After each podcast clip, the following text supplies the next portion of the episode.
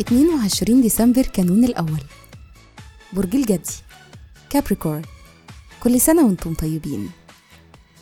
الصفات العامة للبرج الأبوي المسؤول التقليدي العامل والمنضبط. الكوكب الحاكم لا يوجد. العنصر التراب. الطالع في يوم ميلادكم. الطالع في يوم ميلادكم. رحلة الحياة. لحد سن 29 سنة عادة بتكونوا عارفين هدفكم وعندكم طريقة عملية لتحقيق إنجازاتكم.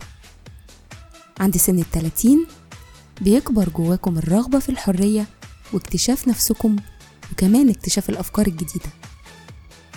الشخصية بالرغم من إنكم بتقدروا تكونوا كرمة جدا وودودين وعفويين إلا إن عندكم القدرة كمان إنكم تبقوا قاسيين وصعبين للغاية. مهارة العمل. رغم إنكم حساسين ومبدعين إلا إن طبيعتكم عملية. ممكن تلاقوا نفسكم منجذبين لعالم المال اللي ممكن فيه تكونوا اقتصاديين ممتازين أو محللين أو حتى سماسرة بورصة.